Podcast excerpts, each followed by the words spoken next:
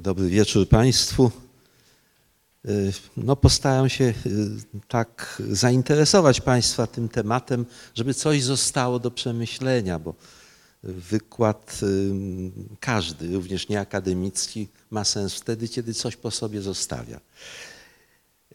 11 listopada jest pewną datą umowną, wybraną przez naszych przodków, naszych pradziadków jako ten symbol odzyskania przez Polskę niepodległości. Do tego dnia wiodło wiele dróg, wiele lat walki. Ja to nazwałem etosem walki i czynu, bo walka i czyn dominują i chciałbym Państwu pokazać, jak zmieniało to nasze społeczeństwo, jak myśmy się zmieniali i co z tego wynikło dla Polski co może i dla nas jest jakąś wskazówką. Zacznę, proszę Państwa, od słów, które pewnie y, Państwu są znane. Ja je przypomnę, bo w tym stuleciu, w tych obchodach warto do nich nawiązać. One powstały znacznie wcześniej. Napisano te słowa w okresie, kiedy Rzeczpospolita chyliła się ku upadkowi, ale jeszcze istniała. Święta miłości kochanej ojczyzny czują cię tylko umysły poczciwe, dla ciebie zjadłe smakują trucizny, dla ciebie nawet pęta niezelżywe. Hymn do miłości ojczyzny, napisany w czasie tego pokolenia, które widziało upadek tej ojczyzny. Tymi słowami zaczynali każdy dzień służby i pracy kadeci szkoły rycerskiej założonej przez naszego ostatniego króla. Tam uczyli się nie tylko jak walczyć, ale dlaczego mają walczyć. Uczyli się tego obywatelskiego stosunku do własnego państwa, do ojczyzny. Pierwsza to była taka szkoła w Polsce. Dała nam wspaniałych dowódców, generałów, oficerów. Jednym będzie Tadeusz Kościuszko, no to jest postać znana, więc go nie przypominam w tej chwili. Tutaj macie Państwo kontrefekt generała Jakuba Jasińskiego, który poległ w obronie Warszawy na okopach Pradzi w 1794 roku, a przedtem powstanie na Litwie organizował. On też wychowywał się w tym duchu, w tej miłości ojczyzny i jemu też przyszło walczyć w tej ostatniej beznadziejnej walce insurekcji kościuszkowskiej. Ale kiedy mówimy o insurekcji kościuszkowskiej, to aczkolwiek zakończyła się ona klęską i cały ten okres próby ratowania państwa, konstytucja 3 maja, wojna w obronie konstytucji 1792 roku, którą zakończono na skutek małoduszności króla i jego doradców, zanim jeszcze Rzeczpospolita została pokonana, Coś po sobie pozostawiło. Polska nie upadła w hańbie. Nie upadła dlatego, że takie były knowania polityczne, nie upadła bez oporu, upadła w walce. Ciężkiej walce z trzema wielkimi potęgami lądowymi ówczesnej Europy Rosją, Prusami i Austrią. Kiedy car Paweł I, następca Katarzyny Wielkiej, po śmierci Katarzyny, której nienawidził i robił akurat wszystko inaczej niż ona. Można powiedzieć, szkoda, że tak długo żyła, może by Rzeczpospolita przetrwała. Otóż jak uwalniał Tadeusza Kościuszkę z więzienia, w które wtrąciła go caryca Katarzyna, chcąc pocieszyć naszego naczelnika, powiedział takie słowa, niech się Pan nie smuci. Upadł Rzym, upadła Grecja, padają wielkie państwa, taka jest kolej historii, upadła i Polska. Pięknie nas porównał do Grecji, do Rzymu, do wielkich krajów antycznych. Na co Kościuszko odpowiedział, Sir, ja nie płaczę dlatego, że moja ojczyzna upadła, ale płaczę dlatego, że upadła, kiedy znalazła siły do swego odrodzenia. I to jest właśnie ten testament pierwszej Rzeczypospolitej.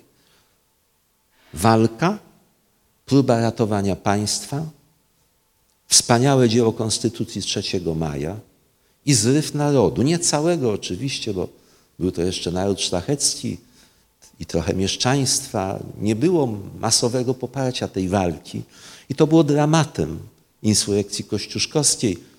Gdyby było masowe poparcie, to istotnie Kościuszko mógłby zebrać 300 tysięcy wojska, tak jak zamierzał, ale nie było tak. To było tą słabością Rzeczypospolitej pierwszej, że była ona ojczyzną narodu szlacheckiego. I będzie jednym z zadań nurtu patriotycznego wieku XIX, ważnym zadaniem, rozszerzenie tej polskości na te wielkie, wielkie warstwy narodu, które były ledwie tą polskością dotknięte. Przede wszystkim wieś polską, która nie miała w sobie poczucia miłości do Rzeczypospolitej. Był szacunek dla króla, dla władzy królewskiej, dla religii, dla kościoła, ale ojczyzna była pojęciem mglistym dla rolnika, gospodarza. Ojczyzną była jego wioska, wioski skąd brał prawda, małżonkę, y, miał krewnych. Czasem miasto powiatowe, jeżeli w ogóle tam się wybierał, w tamtych czasach bardzo rzadko. I to była jego ojczyzna.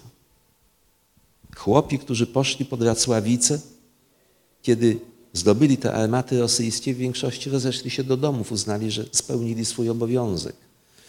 To było inne społeczeństwo, inne czasy.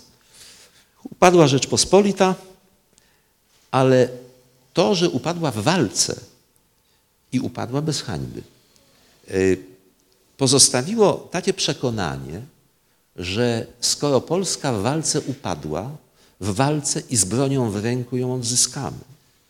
To jest ta pierwsza myśl. Nie knowania polityczne, nie układy, w walce. Po prostu tak jak nasi przodkowie zbierzemy wszystkie siły i tą walką ojczyznę odzyskamy. I macie to Państwo w hymnie naszym. Jeszcze Polska nie zginęła, póki my żyjemy. Co nam obca przemoc wzięła, szablą odbijemy. Niczym innym, szablą. W walce rycerskiej, żołnierskiej. I legiony Henryka Dąbrowskiego są pierwszą odpowiedzią na zabory, taką mocną. Powstaje wojsko polskie i zaczyna się walka u boku Napoleona, zakończona niepowodzeniem oczywiście, ale w pewnym momencie wydawało się, że już, już ojczyzna zaraz odzyska dawną świetność. Rok 1812, o którym Adam Mickiewicz pisał jak tym, o tym pamiętnym roku. Ja jedną taką wiosnę miałem w życiu. Urodzony w niewoli, okuty w powiciu, ja jedną tylko taką wiosnę miałem w życiu. To była ta wiosna wkroczenia armii napoleońskiej na Litwę. I odpowiedź tego społeczeństwa, które utożsamiało się z Rzeczypospolitą. Radość, potem gorycz upadku, ale epoka napoleońska pozostawiła po sobie legendę szwoleżerów gwardii, ułanów, Legii Nadwiślańskiej, Legionów Dąbrowskiego, a zatem legendę walki, w której żołnierz polski pokazał swoją wartość.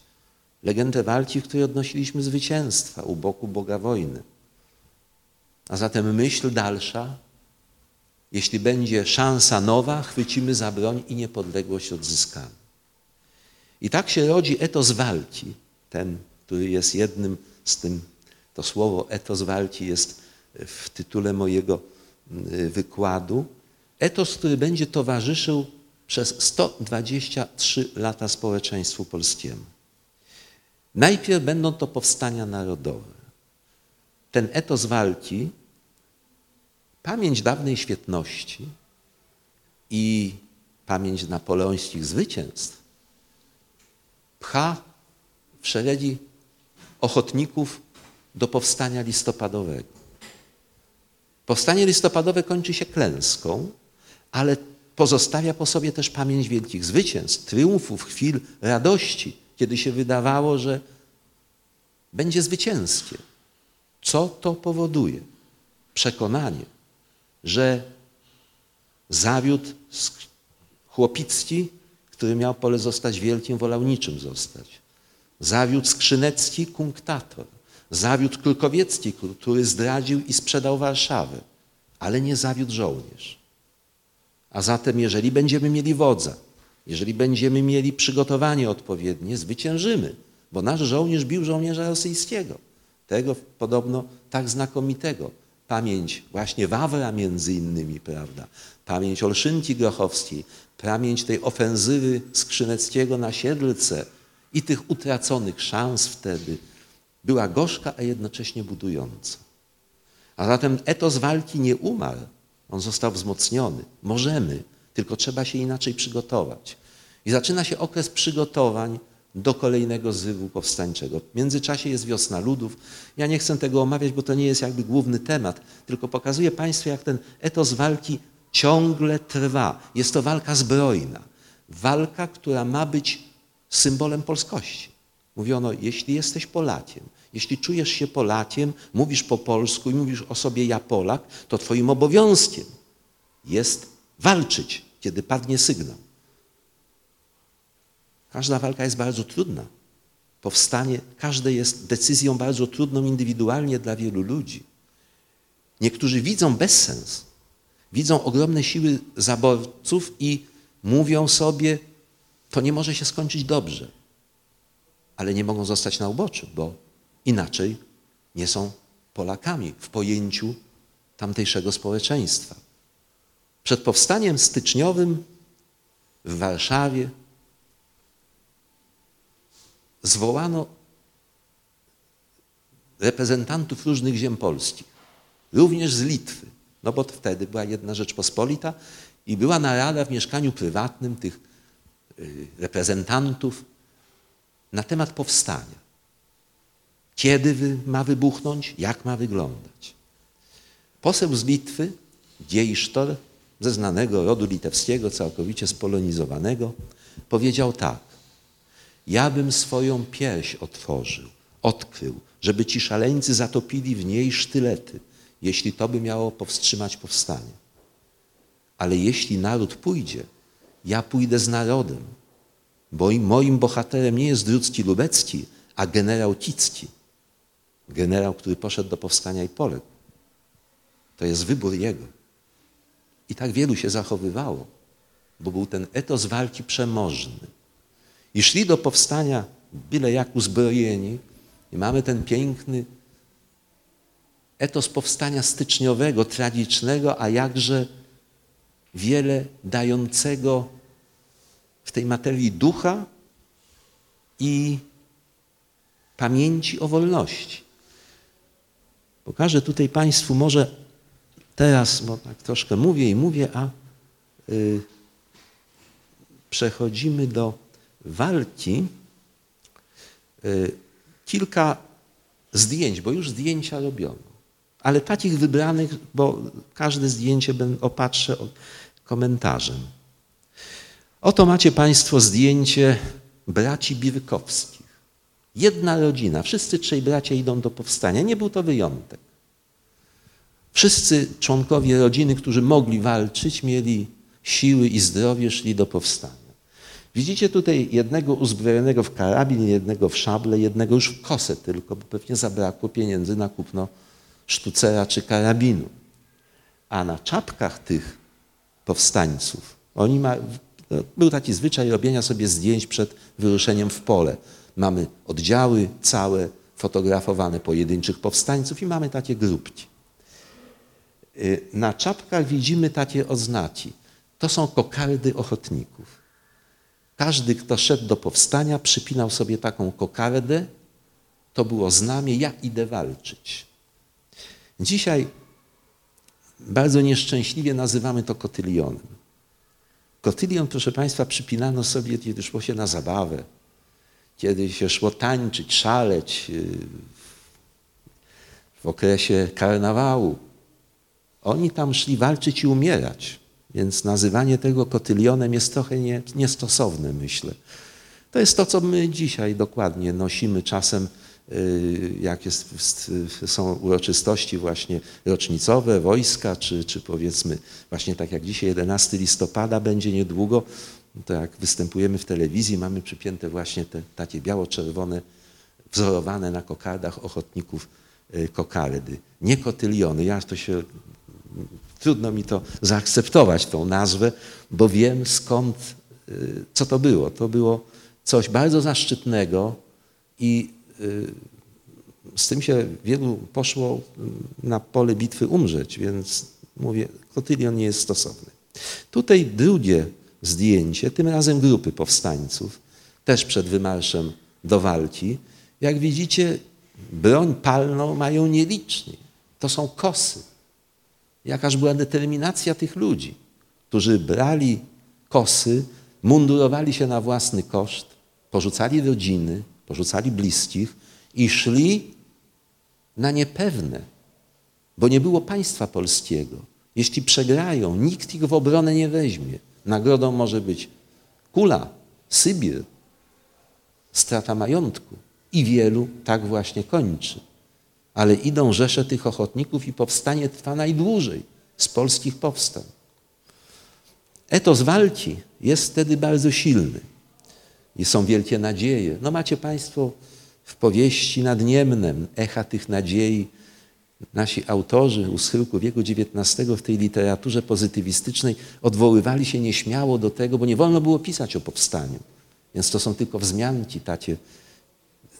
Polak rozumiał. Moskal może nie do końca zrozumiał i dlatego nie interweniowała cenzura.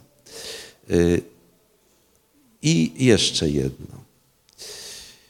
Nie tylko mężczyźni, kobiety również. To jest dziewczyna Lucyna Skrzyńska, która poszła do powstania jako panna, po czym poznajemy po warkoczach, pięknych, grubych warkoczach, panny nosiły wtedy warkocze, jak wychodziły za mąż, albo włosy ścinały, albo robiły już fryzury sobie. Dlatego możemy powiedzieć, że poszła do powstania panna, rzucając wszystko, rodzinę, dom, poszła walczyć u boku mężczyzn. Więc nie tylko mężczyźni szli, a tutaj macie Państwo, a nie, nie to chciałem pokazać, tą samą Lucynę Skrzyńską w Polsce niepodległej. Dożyła, tak jak dożyło prawie trzy tysiące powstańców. Otrzymała stopień oficerski, mundur, odznaczenia. I był ten piękny zwyczaj w II Rzeczypospolitej, że każdy żołnierz, niezależnie od stopnia, kiedy spotykał człowieka w takiej rogatywce, w granatowym mundurze powstańczym, pierwszy musiał oddać honory wojskowe. Nawet jeżeli generał szedł. To był hołd złożony tym, którzy do końca ten etos walki w sobie mieli tak mocny, że szli walczyć w powstaniu, które biorąc jakby rozumowo nie miało szans. A mimo to poszli. Klęska powstania to była trauma ogromna. To były zawiedzione nadzieje i były olbrzymie straty ludzkie. To było 100 tysięcy ludzi poległych, rannych, zesłanych na Sybir, uwięzionych i tych, którzy uciekli z Polski, bo policja ich ścigała, żandarmeria chodziła i szukała tych ludzi. To był wielki upust krwi dla społeczeństwa. W tej traumie powstańczej zwycięża idea pozytywistyczna. Nie możemy walczyć. Każde kolejne powstanie będzie tragedią. Więc cóż robić? Opuścić ręce? I wtedy sięga się po myśl, która gdzieś w zaborze pruskim rodzi się jeszcze przed powstaniem, jeszcze w dobie wiosny ludów. Mianowicie przygotujmy społeczeństwo. Skoro nie możemy w tej chwili walczyć, przygotujmy społeczeństwo na czas walki. On kiedyś przyjdzie. Wierzymy w to głęboko. Będziemy bronić polskiego stanu posiadania, polskiej tradycji, polskiej kultury, polskiego języka. Ale przypominam Państwu, to jest też walka. Za, to było przeciwko zaborcy. Za to wszystko można było pójść do więzienia, można było pojechać na Sybir, tak samo jak za walkę zbrojną. Jest więc to walka, tylko toczona innymi środkami. Jest etos czynu, walki, czyńmy coś. Nie możemy stać z opuszczonymi rękoma. Ten etos, który przekazuje sobie pokolenia, y, z pokolenia na pokolenie przekazany, przekazywany jest y, kolejnym y, młodym ludziom, wpływa na nasz charakter też jako społeczeństwa. My się zmieniamy. My się zmieniamy, nabieramy cech, których może nie mieliśmy y, przed upadkiem Polski, mianowicie te najważniejsze, które potem odegrają istotną rolę, kiedy rzeczywiście przyjdzie walczyć o niepodległość. To jest skłonność właśnie do czynu, skłonność do walki. Nie rachowanie, że może się coś uda negocjacjami zrobić, ale ten zryw do walki. Jeżeli to się powtarza przez sześć pokoleń, to nie pozostaje bez echa. Oczywiście to nie zmienia całego społeczeństwa, ale rodziny, które mają tą przeszłość wojskową, powstańczą, które mają pamiątki po swoich bliskich, krzyże, ordery za tą walkę, mają pamięć tych, którzy polegli, kultywują tą pamięć, coś zostaje.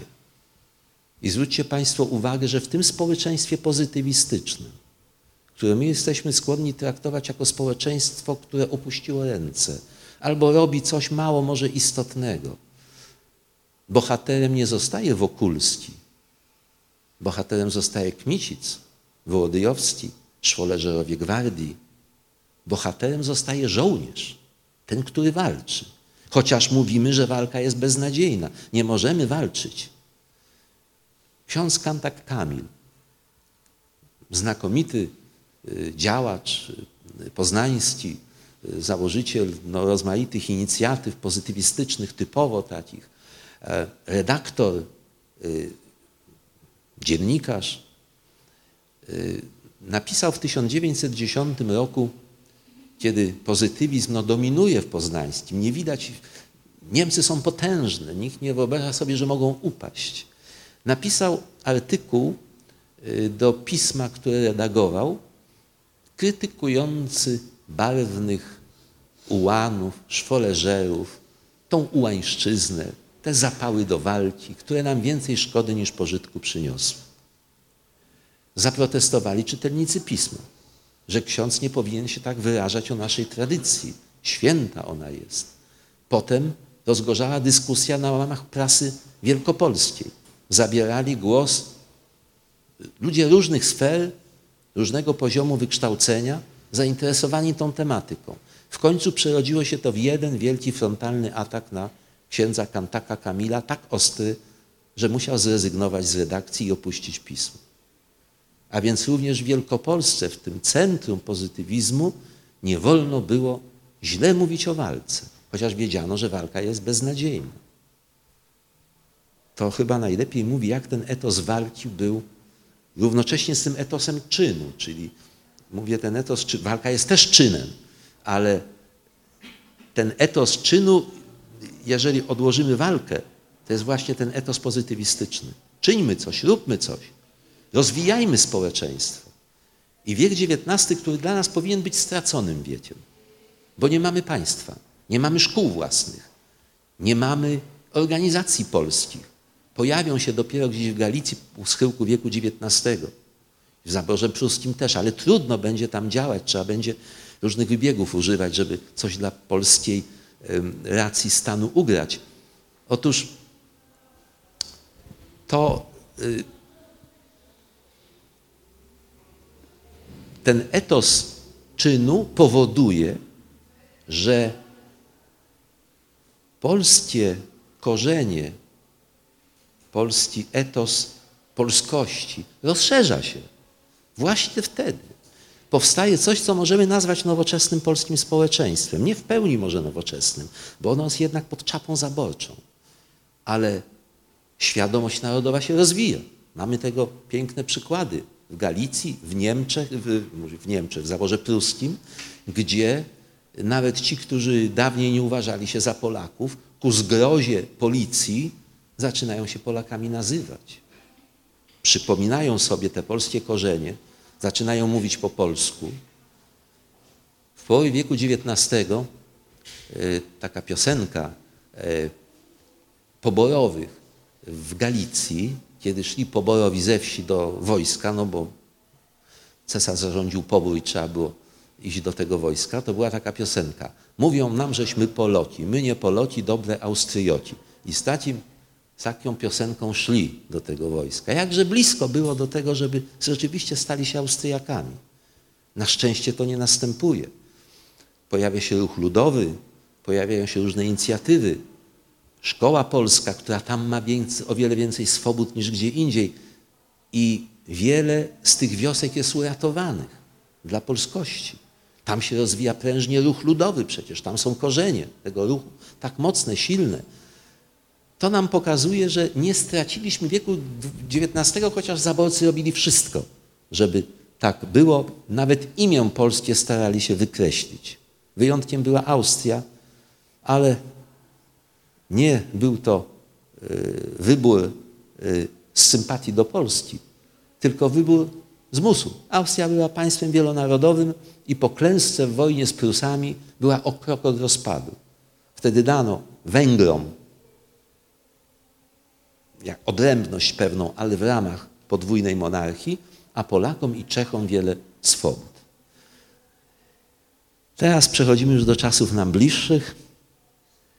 Na początku wieku XX nowe pokolenie podejmuje tą pałeczkę, tą sztafetę walki. Są to ludzie, synowie, a czasem i wnukowie powstańców styczniowych, którzy nie widzieli klęski, nie oglądali własnymi oczami, natomiast byli wychowani w tradycji powstańczej.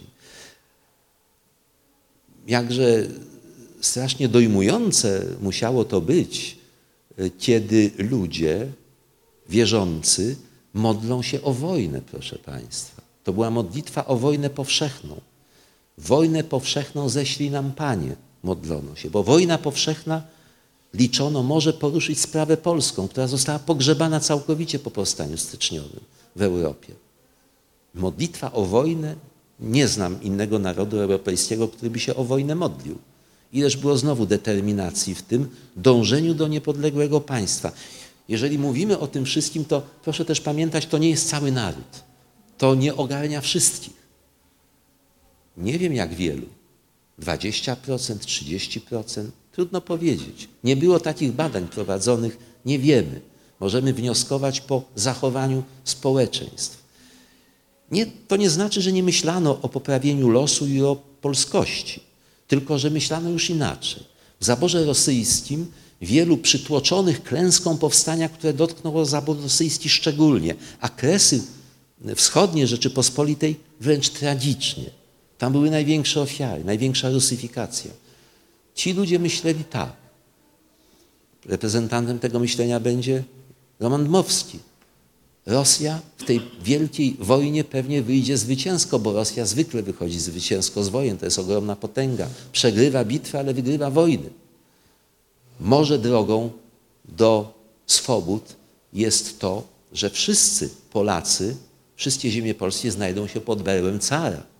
I wtedy, jak nas będzie 20 milionów, a może 30, to car będzie musiał nam coś zaoferować. To myślenie życzeniowe. Car wcale nie musiał. Ale tak się nam wydawało, że jak nas będzie dużo, będziemy siłą, to Moskwa musi iść na ugodę z Polakami. Ale byli też inni. Reprezentantem tej młodzieży inaczej myślącej będzie Józef Piłsudski, ten antagonista Dmowskiego, który mówił inaczej. Mówił tak, jeśli w tej przyszłej wielkiej wojnie zabraknie szabli polskiej na szali wojny położonej, nikt nam niepodległości nie da. Musi ta szabla zaświadczyć o naszej sile i naszej determinacji. A potem przyjdą targi polityczne, ale musi być ta szabla polska. I nie widział rozwiązania rosyjskiego. Napisał taki swój, takie wspomnienie w 1903 roku do pisma lwowskiego dla młodzieży, wtedy różnych działaczy no, niepodległościowych, podziemnych, relacje zbierano i można było w Austrii opublikować na łamach pisma. Piłsudski napisał wtedy taki tekst, dlaczego zostałem socjalistą. I napisał tam między innymi o swoim zesłaniu, na które został skazany na pięć lat. Jako młody człowiek, student medycyny y, w Kijowie.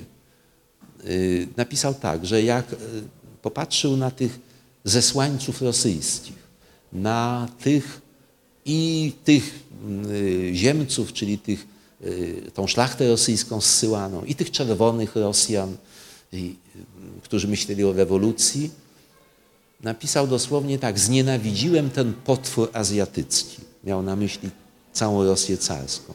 I zrozumiałem, jak, że jakakolwiek będzie Rosja, będzie zawsze przeciwna niepodległości Polski. I to jest nasz główny przeciwnik.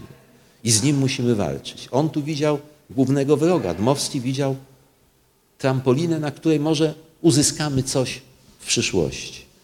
Były różne koncepcje, więc zatrzymujemy się tylko na tych dwóch, bo przecież nie mamy czasu, żeby to wszystko dokładnie omawiać. Efektem działalności Piłsudskiego, to Państwo macie na pewno tą podstawową wiedzę, o tym nie będę tego omawiał, będzie tworzenie legionów u boku Austrii. Kiedy wojna wybucha, te wszystkie prace niepodległościowe na terenie zaboru austriackiego, Związek Strzelecki, drużyny podhalańskie, drużyny bartoszowe, Tajna Armia Polska itd., tak itd., tak dają młodzież wyszkoloną wojskowo, która nie podlega y, mobilizacji austriackiej i może iść do legionów. Nie musi iść do wojska austriackiego, bo Austriacy ich nie mają nawet jeszcze w ewidencji. Do legionów idą bardzo różni ludzie. Idą młodzi ludzie prosto z ławki szkolnej. Idą artyści, idą intelektualiści, idą nauczyciele, idą robotnicy, idą chłopi podhalańscy. Idą ludzie 16-17-letni i 40- i 50-letni. Rozkład wieku i zawodów jest olbrzymi, ogromny, ale idą obdarzani nieufnością dużej części społeczeństwa.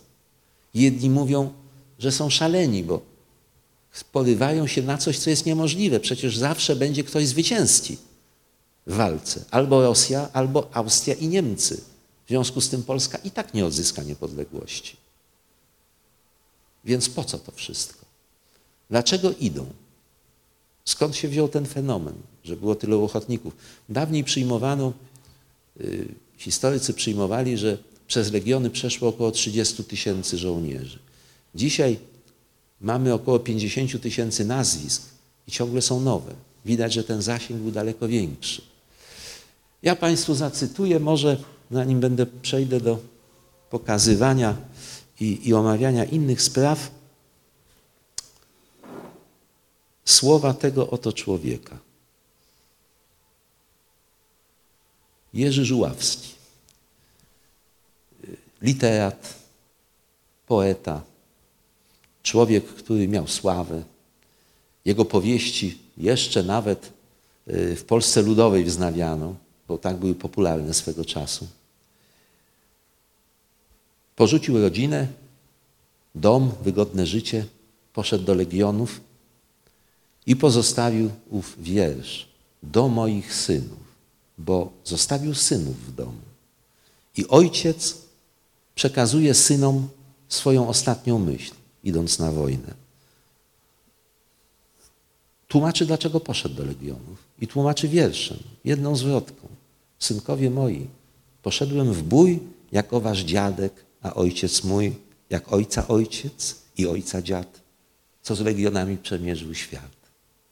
Szukając drogi przez krew i blizny do naszej wolnej ojczyzny.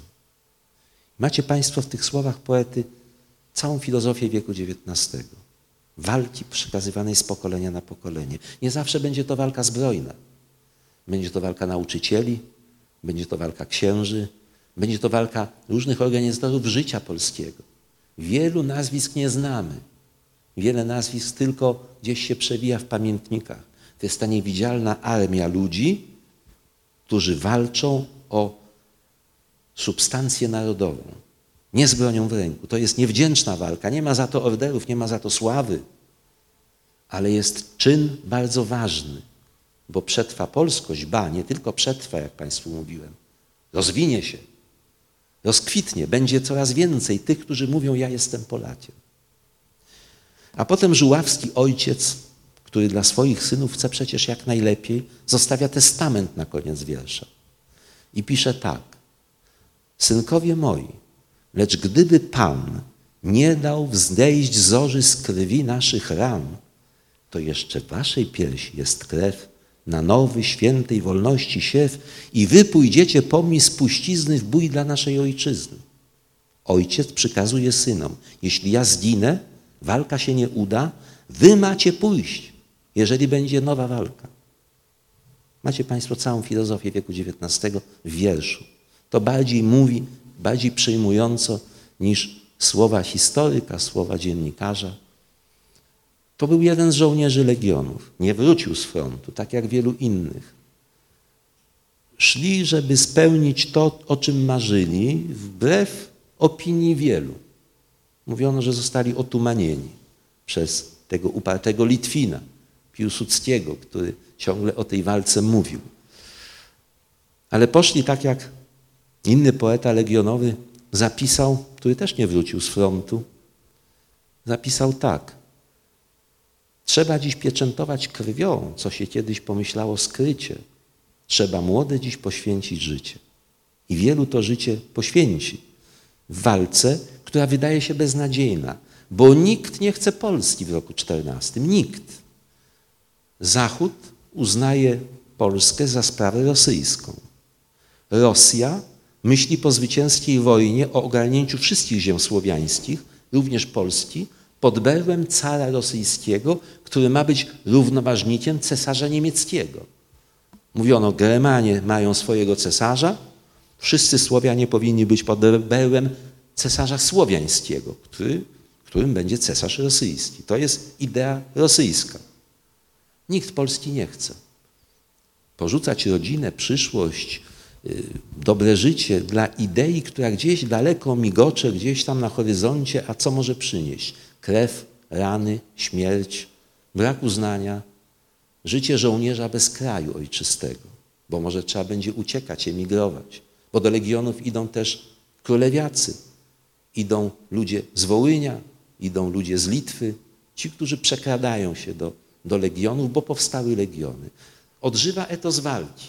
Ten etos wydawałoby się tak przykryty pozytywizmem, że go prawie nie było widać.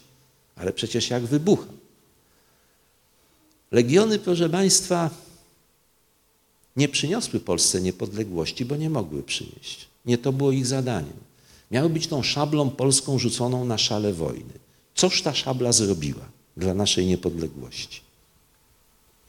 Żołnierz legionowy, no macie Państwo tutaj jednego żołnierza, pokażę jeszcze innego, żebyście wiedzieli, że y, o, ten żołnierz nazywa się Zofia Zawiszanka. To jest kobieta, która poszła do legionów, jak cała grupa kobiet, i podjęła się funkcji wyjątkowo y, niebezpiecznej, zwiadowcy.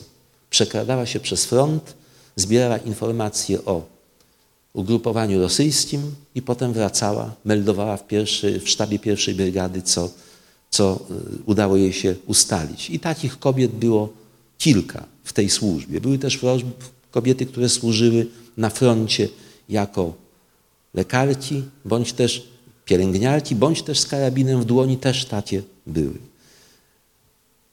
Pokazuje e, kobietę e, i wtedy tą dziewczynę z powstania styczniowego, aby przypomnieć Państwu, że ten etos walki obejmował wszystkich. Oczywiście też były dzieci, które szły do walki, które nie powinny iść, ale były tak wychowane, że uważały, że jest to ich patriotyczny obowiązek.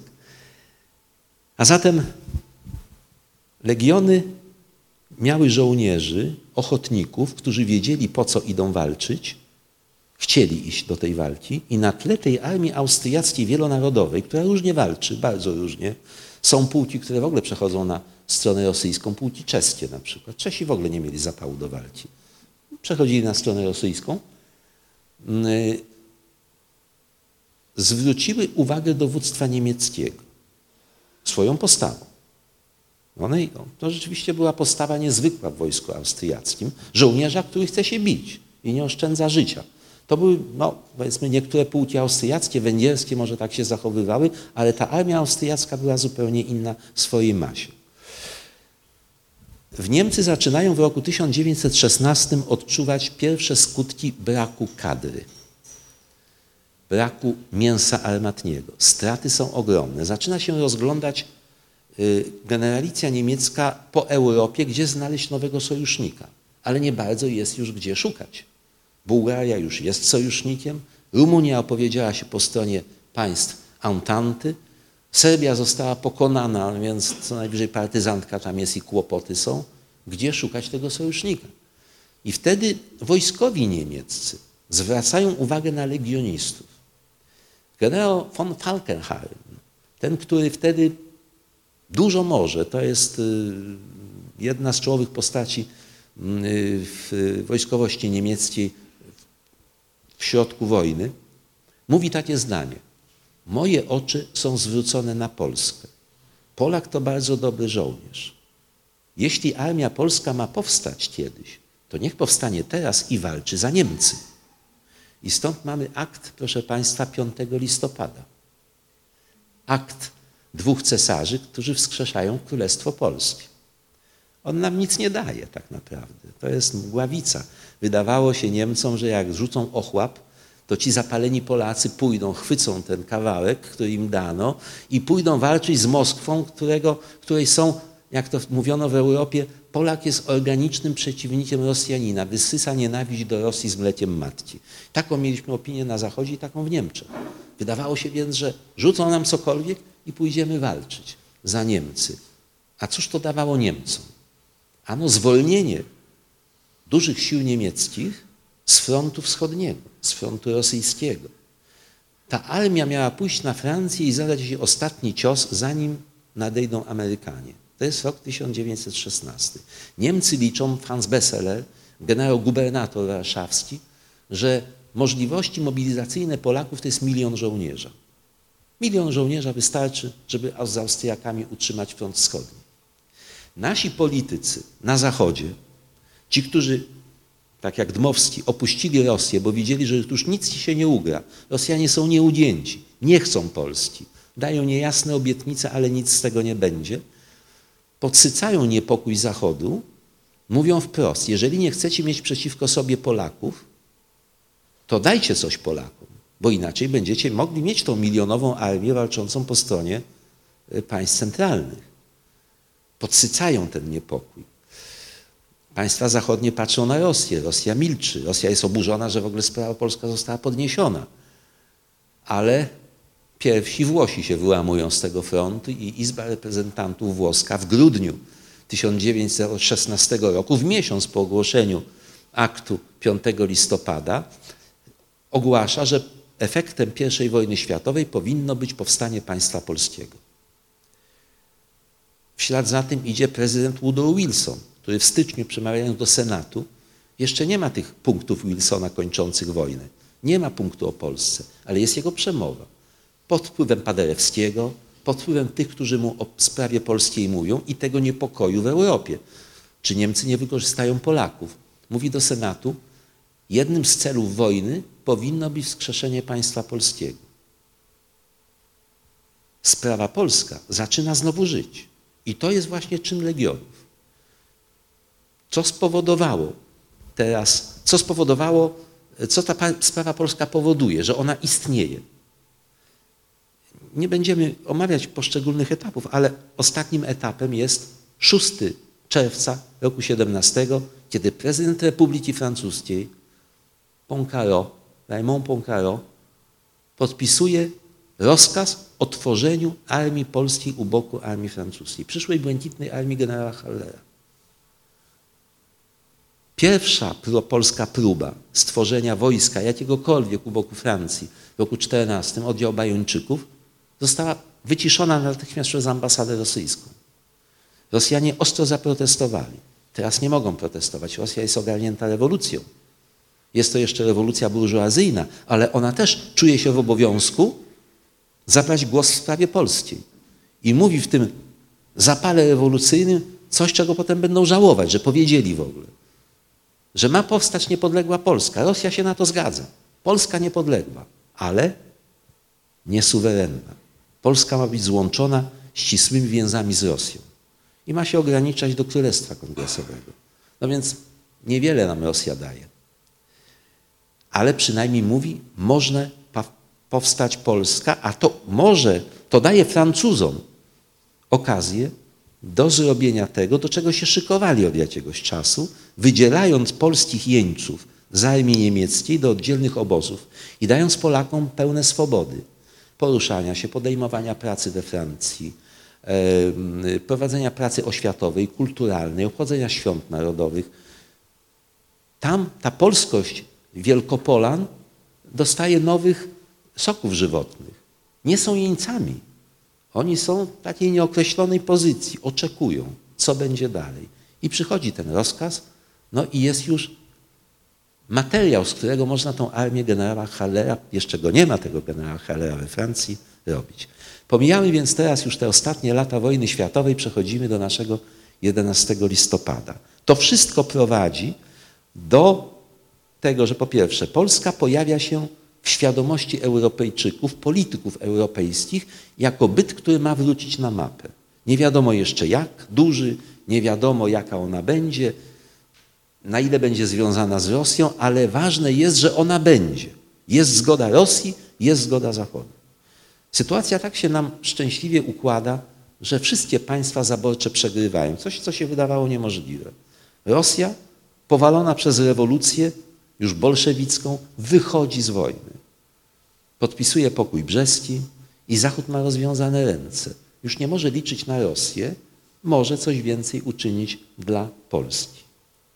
Niemcy, które ogarnie płomień rewolucji tuż przed upadkiem i spowoduje no, tak naprawdę decyzję o zawieszeniu broni ze strony niemieckiej, zgodę na zawieszenie broni, wystąpienie o zawieszenie broni, obawiają się, że w Polsce też może wybuchnąć rewolucja. I wtedy wypuszcza się z tego odosobnienia w Magdeburgu, z tego uwięzienia w Magdeburgu Józefa Piłsudskiego, który za to, że zakazał legionistom w 1917 roku składania przysięgi na wierność e, cesarzom niemieckim, niemieckiemu i austriackiemu, został uwięziony i z Sostkowskim wywieziony do Magdeburga. Przed wyjazdem, przed uwięzieniem, e, na obiedzie e, w gronie swoich współpracowników, oficerów legionowych, którzy pytali go, co teraz, mówi, kończy się nasza droga u boku Niemiec. Nasze interesy już nie są zbieżne. W naszym interesie leży to, aby Niemcy jak najszybciej wojnę przegrały. Rosja już upadła. Teraz chodzi o to, żeby upadł nasz drugi wielki przeciwnik, Niemcy. I to się dzieje. To jest ten cud, którego nie oczekiwano w Polsce. W każdym razie niewielu w to wierzyło. Jest relacja socjaldemokraty rosyjskiego, który był na wykładzie Józefa Piłsudskiego Y, Piłsudski mówił często i dużo na tematy te, jak będzie wyglądała wojna czy Europa powojenna. I tam była ta myśl Józefa Piłsudskiego, zapytany, jak się będzie wojna, jaki będzie przebieg wojny europejskiej, powiedział, najpierw państwa centralne pokonają Rosję, potem Zachód pokona państwa centralne. Zapytany później, czy to była wizja, czy tak przewidział to wszystko, tak jak podobno Napoleon przewidział bitwę pod Austerlitz, siedząc tam w obozie w Bulonii. Też jest taka legenda we Francji. Uśmiechnął się i powiedział, że była to jedna z koncepcji, które rozpatrywał. Po prostu jako polityk musiał rozpatrywać różne koncepcje. Rozpatrywał koncepcję austropolską. Starał się wyciągnąć możliwie jak najwięcej korzyści. Szczęśliwie okazało się, że ta koncepcja nadalej idąca się zrealizowała. I mamy 11 listopada. Piłsudski przyjeżdża do Warszawy wcześniej. Rada Regencyjna przekazuje mu władzę. Przekazuje mu władzę człowiekowi jeszcze cztery lata temu nieznanemu w królestwie. Wzruszano ramionami na jego widok. Co to jest Piłsudski?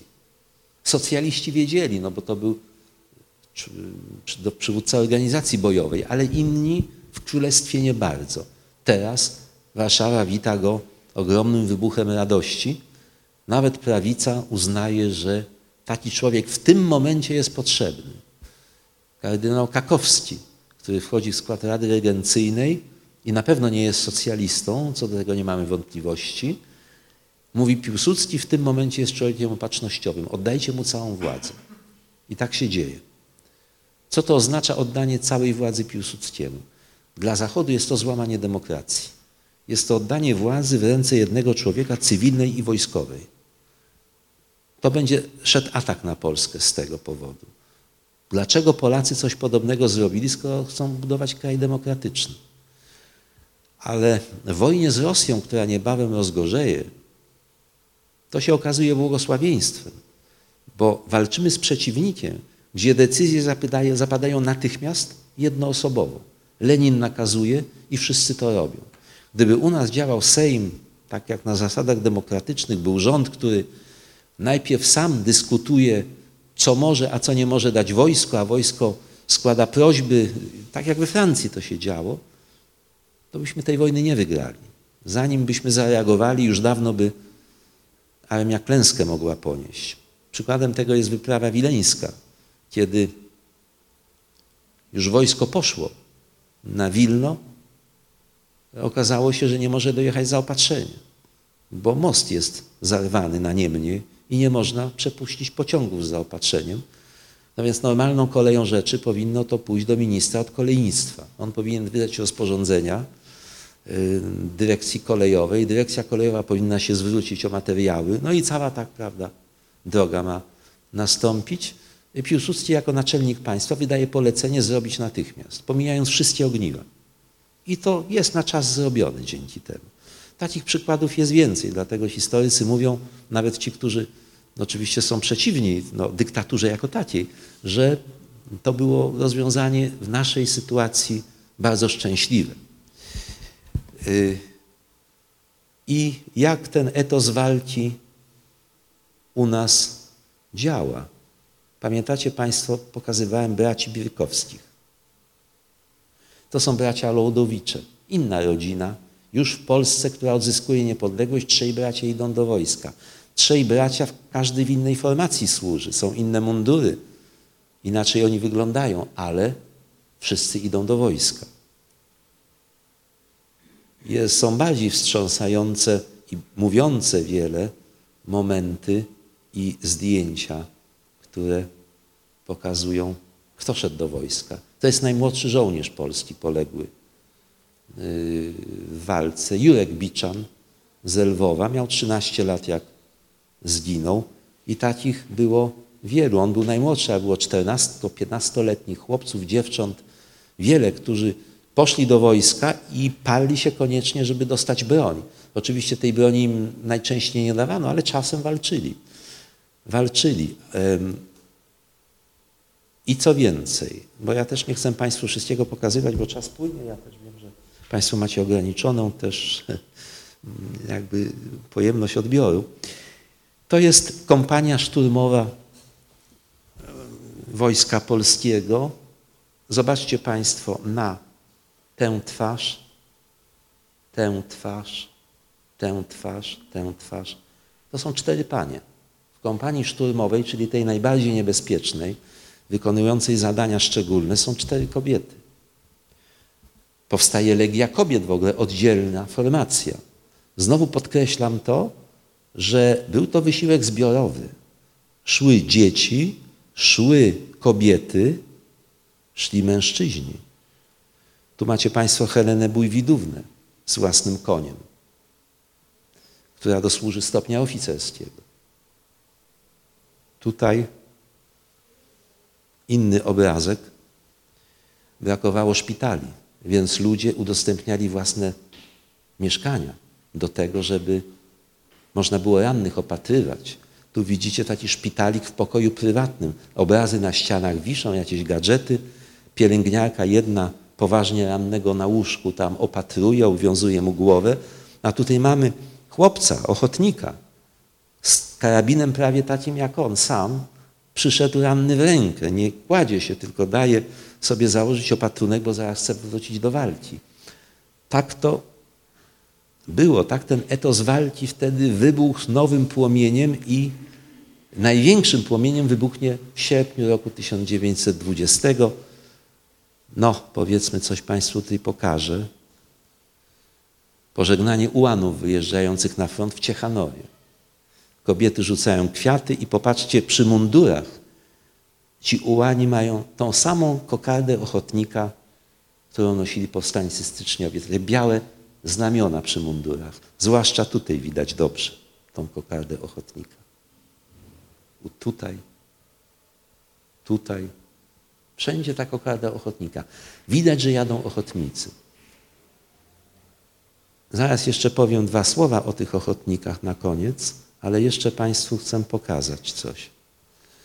13 sierpnia zaczyna się szturm Warszawy alejami jerozolimskimi w kierunku Saskiej Kępy idzie kolumna wojska ze swoim sztandarem, z dowódcą na czele i prawda, maszerują alejami na front, który już słychać w Warszawie.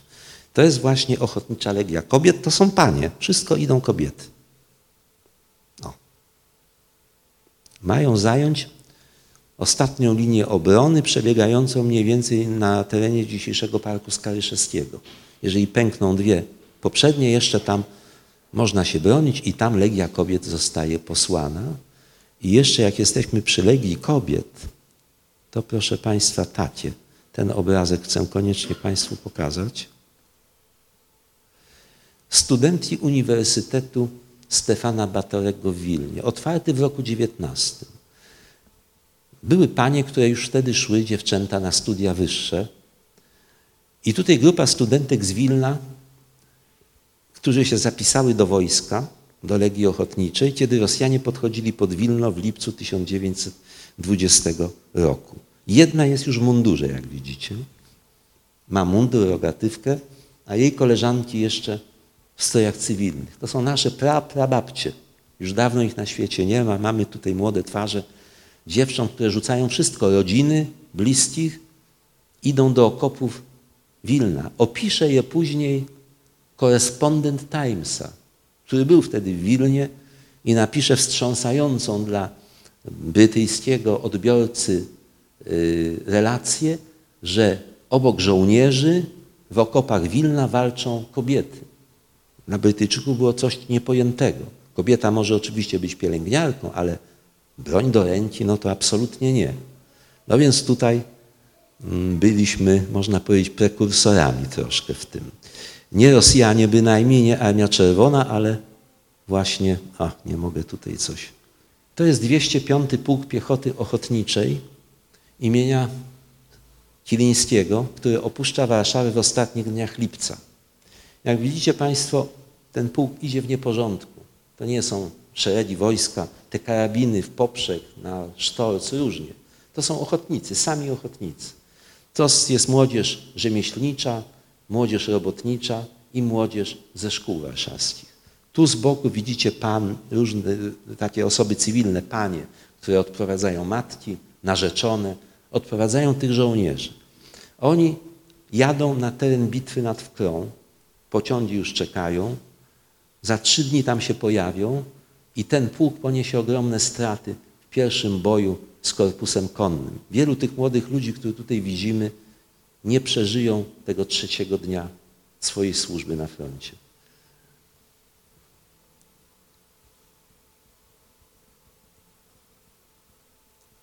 I może jeszcze na koniec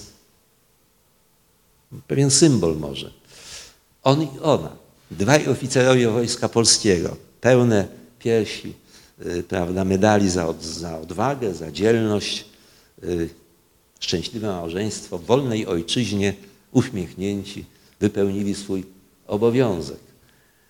Można powiedzieć takie trochę symboliczne zdjęcie ludzi, którzy wydawało się im, że ta Polska teraz będzie już trwała długo. I może ostatnie już naprawdę zdjęcie, które Państwu pokażę, ale też symbol. To jest odznaczanie za waleczność obrońców Płocka. Miasta, które zatrzymało korpus konny i nie pozwoliło mu przejść na, Wis na zachód od Wisły, co groziło bardzo dużymi konsekwencjami. Zagrożona była linia kolejowa z Gdańska do Polski, szło, którą szło zaopatrzenie. Tam na barykadach obok żołnierzy stanęła ludność cywilna. Tutaj mamy naczelnika państwa, który odznacza za odwagę Tadzia Jeziorkowskiego, harcerza, tutaj w mundurze wojskowym, szytym mu specjalnie na tą uroczystość.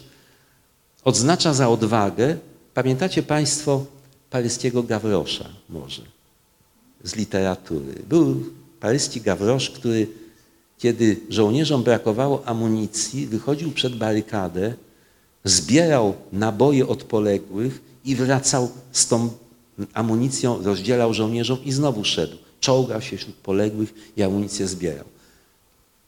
I zginął. Został trafiony kulą i poległ. Przeszedł do literatury światowej jako symbol właśnie dziecka, które poświęca swoje życie dla pięknych ideałów rewolucji, zmiany, wolności. To jest nasz polski Gawrosz, tylko on nie zginął w roku 20. Pełnił tą samą służbę, roznosząc amunicję, meldunki w ogniu rosyjskim. Teraz był odznaczony. Ale to, co istotne, wybierze potem karierę wojskową. Pójdzie do Wojska Polskiego, do lotnictwa i 3 września 1939 roku, lecąc na Karasiu na bombardowanie kolumn niemieckich idących na Warszawę, polegnie razem z całą załogą.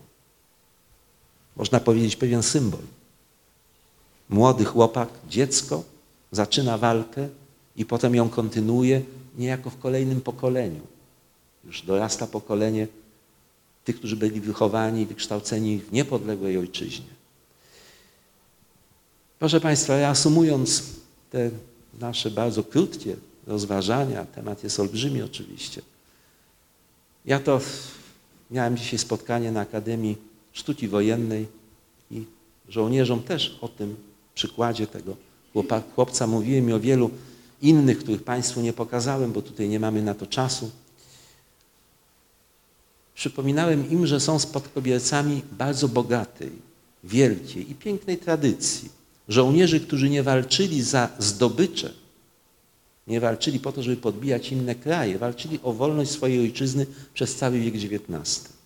Pokazywano nas na Zachodzie w propagandzie zaborczej naszych powstańców jako nacjonalistów, jako tych, którzy burzą ład europejski, jako tych, którzy nie potrafią dochować wierności swojemu monarszy, jednym słowem najgorszych, najgorszy gatunek ludzi. A to byli przecież tylko ludzie, którzy pragnęli wolności. Dla tej wolności byli gotowi poświęcić bardzo wiele. Dzisiaj mamy Polskę wolną, może nie taką, jaką wszyscy z nas chcą, ale wolną. Wiek XIX uczy nas na przykładzie naszym i wielu innych narodów, że nigdy wolność nie jest dana na zawsze. Wszystko się może zmienić. Najbardziej egzotyczne sojusze mogą powstać, tak jak sojusz Hitler ze Stalinem po to, żeby zniszczyć Rzeczpospolitą. Powinniśmy zachowywać w pamięci to, co było, również ku przestrodze i nauce dla nas i czerpać te siły, nawet jak jesteśmy sfrustrowani tym, co się dzieje czasem. Jesteśmy źli dla naszych polityków, za te kłótnie, za to wszystko, że nad tym wszystkim jest jeszcze coś nadrzędnego. Jest racja stanu państwa, racja stanu Polski. Czym jest byt bez państwa? Wiedzieli ci, którzy walczyli w roku 20 i 19. Walczyli tak zaciekle dlatego, że wiedzieli, czym jest brak własnego państwa, własnej wolności.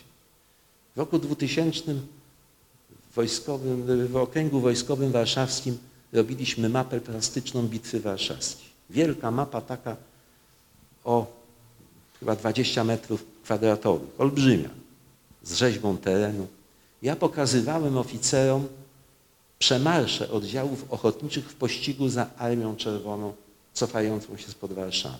Tłumaczyłem, że to wielkie zwycięstwo nie byłoby tym wielkim zwycięstwem, gdyby nie niesamowity zapał i wytrzymałość tego młodego żołnierza, którego to, tutaj widzicie, no tego dziecka nie, ale tych, tego 205 pułku i innych pułków. Ci ludzie potrafili w marszu, w bitwie, w, yy, bez zaopatrzenia, w upale, maszerując po piaszczystych drogach, przebywać po 50-60 kilometrów na dobę.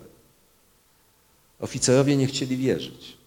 No ale jak zobaczyli rozkazy, zobaczyli, gdzie to wojsko doszło, mówią rzeczywiście. Dzisiaj powiedzieli, to tylko oddziały specjalne byłyby do tego zdolne. Pytali mnie, co sprawiało, że ci ludzie zdobywali się na tak wielki wysiłek, oderwani z ław szkolnych, z warsztatów rzemieślniczych, niećwiczeni. Oni mdleli w marszu, układano ich na wozy Dawano trochę wody, jak odpoczęli, wracali do szeregów. Były pułki, które 80 kilometrów robiły. Szły szybciej niż kawaleria. Tempo ofensywy polskiej porównywano z tempem oddziałów zmotoryzowanych II wojny światowej. Dlatego to nie była porażka, to była klęska Armii Czerwonej. Ja im wtedy odpowiadałem. Państwu może odpowiem inaczej. Odpowiem słowami, którym, którymi zacząłem nasze spotkanie. Święta miłości kochanej ojczyzny. To jest właśnie odpowiedź. Kiedy Stefan Żeromski pisał przedwiośnie i opisywał Cezara Barykę, Polaka wychowanego w Rosji, który wraca do ojczyzny od zmartwychwstałej i trafia na ten najazd Armii Czerwonej. Widzi tych ochotników, jak to pisze Żeromski, maszerujących ulicami przy wtórze bębnów umierać na front. I pisze Baryka, tak Żeromski wkłada mu takie pytanie do głowy. Co tą młodzież pcha, żeby umierać po tak strasznej wojnie na kolejnym froncie? Baryka nie potrafi sprecyzować jasnej odpowiedzi. Odpowiedź jest zawarta w hymnie do miłości ojczyzny. Odpowiedź jest zawarta w wierszu, który zostawi jeden z żołnierzy, idąc na front. Młody człowiek, dwudziestoparoletni, rzuca wszystko, idzie na front w roku dwudziestym i w przeczuciu, że nie wróci, pisze wiersz do rodziny. I na koniec taki, taką zwrotkę daje, takie swoje pożegnanie, w którym pisze tak. A gdy mnie złożą do ojczystej ziemi, na wieczne w Tobie już odpoczywanie, kiedy już tylko oczyma szklanymi będę mógł patrzeć na Twe zmartwychwstanie, pozwól, bym leżąc w onym ciemnym grobie, ja mnie zapomniał na wieki o Tobie. Piękne słowo. Żołnierza, mając takich żołnierzy, no nie mogliśmy przegrać w roku 1920. Dziękuję za uwagę.